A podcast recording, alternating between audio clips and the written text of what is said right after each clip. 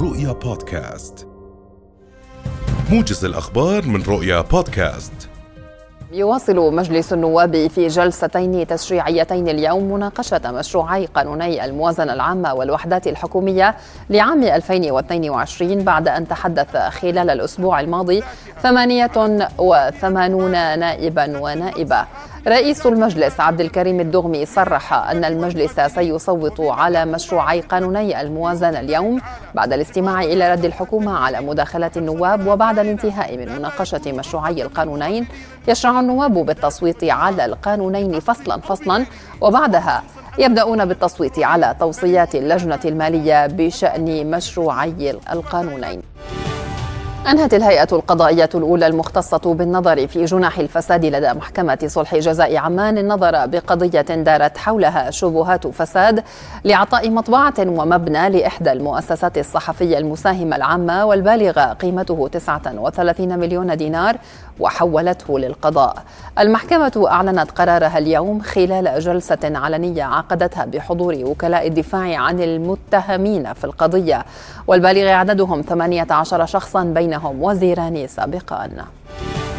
ارتفع إجمالي مساحة الأبنية المرخصة في الأردن خلال عام 2021 بنسبة 52% لتبلغ نحو 9 ملايين متر مربع مقارنة مع عام 2020 والبالغ 6 ملايين متر مربع.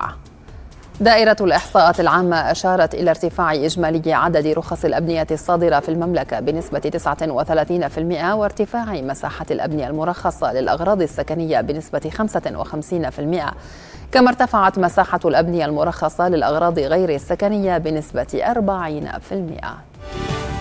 أعلنت إدارة الدوريات الخارجية مباشرة العمل بإعادة تأهيل الطريق الصحراوي من رأس النقب ولغاية دبة حانوت المشروع سيتضمن توسعة كتف الطريق من جهة الجزيرة الوسطية بمسافة حوالي ثمانية كيلومترات لتصبح مسربين صعودا ونزولا والمباشرة بإزالة الخلطة الأسفلتية القديمة واستبدالها بخلطة جديدة لنفس المسافة.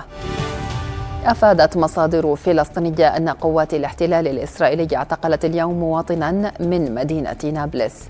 المصادر لفتت إلى أن قوات الاحتلال اقتحمت أحياء عدة من المدينة واعتقلت المواطن عدنان صلاح وأضافت المصادر ذاتها أن قوات الاحتلال داهمت منزل الشهيد يوسف حسونة وقامت بتفتيشه.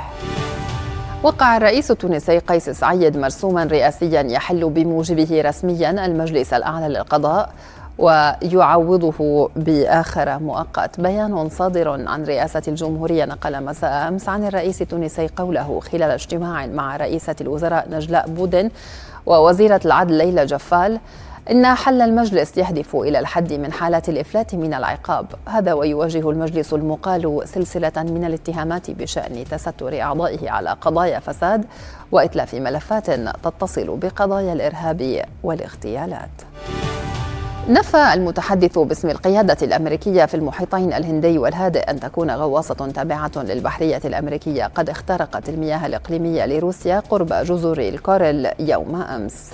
المتحدث رفض الإفصاح عن الموقع الدقيق للغواصات الأمريكية في المنطقة في وقت سلمت وزارة الدفاع الروسية مذكرة احتجاج للملحق العسكري الأمريكي على خلفية هذا الحادث مطالبة بأن تتخذ الولايات المتحدة إجراءات لضمان عدم اختراق سفنها الحربية مياه روسيا في المستقبل.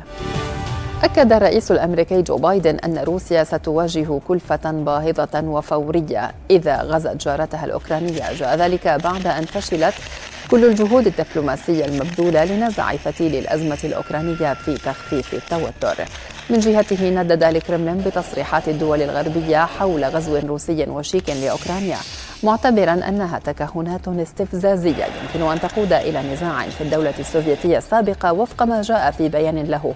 حول المكالمة الهاتفية بين الرئيسين الروسي فلاديمير بوتين والفرنسي إيمانويل ماكرون.